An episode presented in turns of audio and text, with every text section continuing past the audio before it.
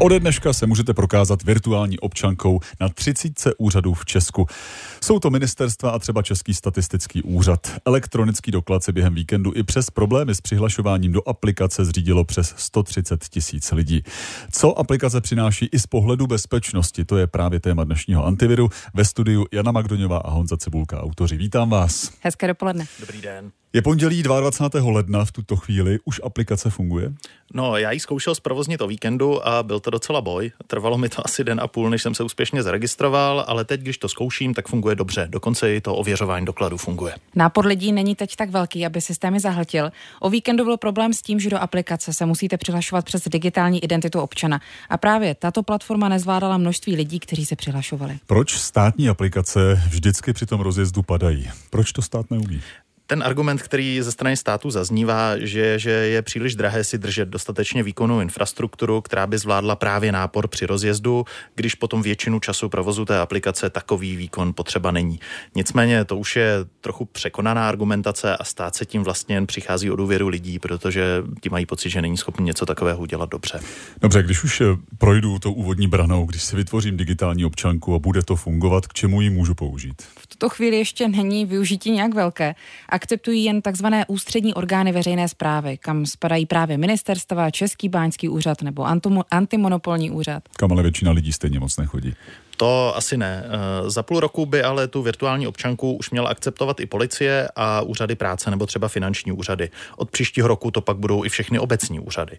Eh, ze zákona tu digitální občanku ale nemusí akceptovat komerční sektor, to znamená, pokud bys třeba chtěl jít do restaurace a prokázat, že už ti bylo 18, no, tak.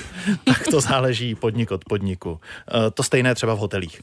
A pozor, určitě ji nebudou brát v zahraničí. Ta digitální občanka se týká jen Česka, v rámci Evropské unie se teď připravuje celoevropská digitální identita, která by v budoucnu mohla fungovat vlastně dost podobně jako ty české e-doklady. No, přináší ta aplikace nějaké výhody oproti plastové kartě v peněžence? Časem budeš moct tu kartičku snad nechat doma. Výhodou aplikace je, že neposkytuje všechny údaje v občance všem. Tedy třeba v restauracích můžeš potvrdit, že ti bylo 18, ale výčepní nevidí tvé jméno nebo adresu. Stačí mu fotka a že ti těch 18 opravdu bylo. Mm, nevýhody, kromě toho, že ji teď všude neberou nebo neakceptují. Já budu mít problém s většině vybitým mobilem. A taky to ověřování není úplně jednoduché. Ty musíš ukázat speciální kód v telefonu, ten, kdo tě ověřuje, tě musí načíst svým telefonem, ty telefony se pak propojí přes Bluetooth a teprve po potvrzení se všechna ta data nazdílí. Ve srovnání s tím, že z kapci prostě vytáhneš občanku, je to vlastně docela zlouhavé, nemusí to zafungovat vždycky a právě třeba ten výčepní na to nemusí mít ve večerním fofru čas a trpělivost. Navíc nikdy nemáš jistotu, že ten, kdo tě ověřuje, si ty informace z tvojí občanky neuloží. Takže není nijak ověřeno nebo ošetřeno, aby se ta data nekopírovala, nešířila dál? A Stát se tomu snaží technicky bránit, ale tato obrana nikdy není stoprocentní. U občanky vidíš, jestli si ji náhodou někdo neofotil nebo neobsal, ale tady tu jistotu mít nebudeš. Navíc aplikace je dostupná od víkendu a teprve teď. Nejspíš někteří lidé začínají vymýšlet, jak ji zneužít.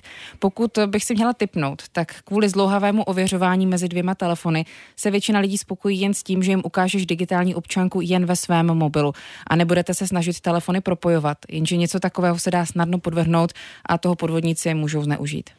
A určitě je dobré si ještě připomenout, že už teď v peněžence nemusíš nosit řidičský průkaz, tu plastovou kartičku. Policie si všechno umí vzít z registru. Nesmíš mít ale ten řidičák propadlý.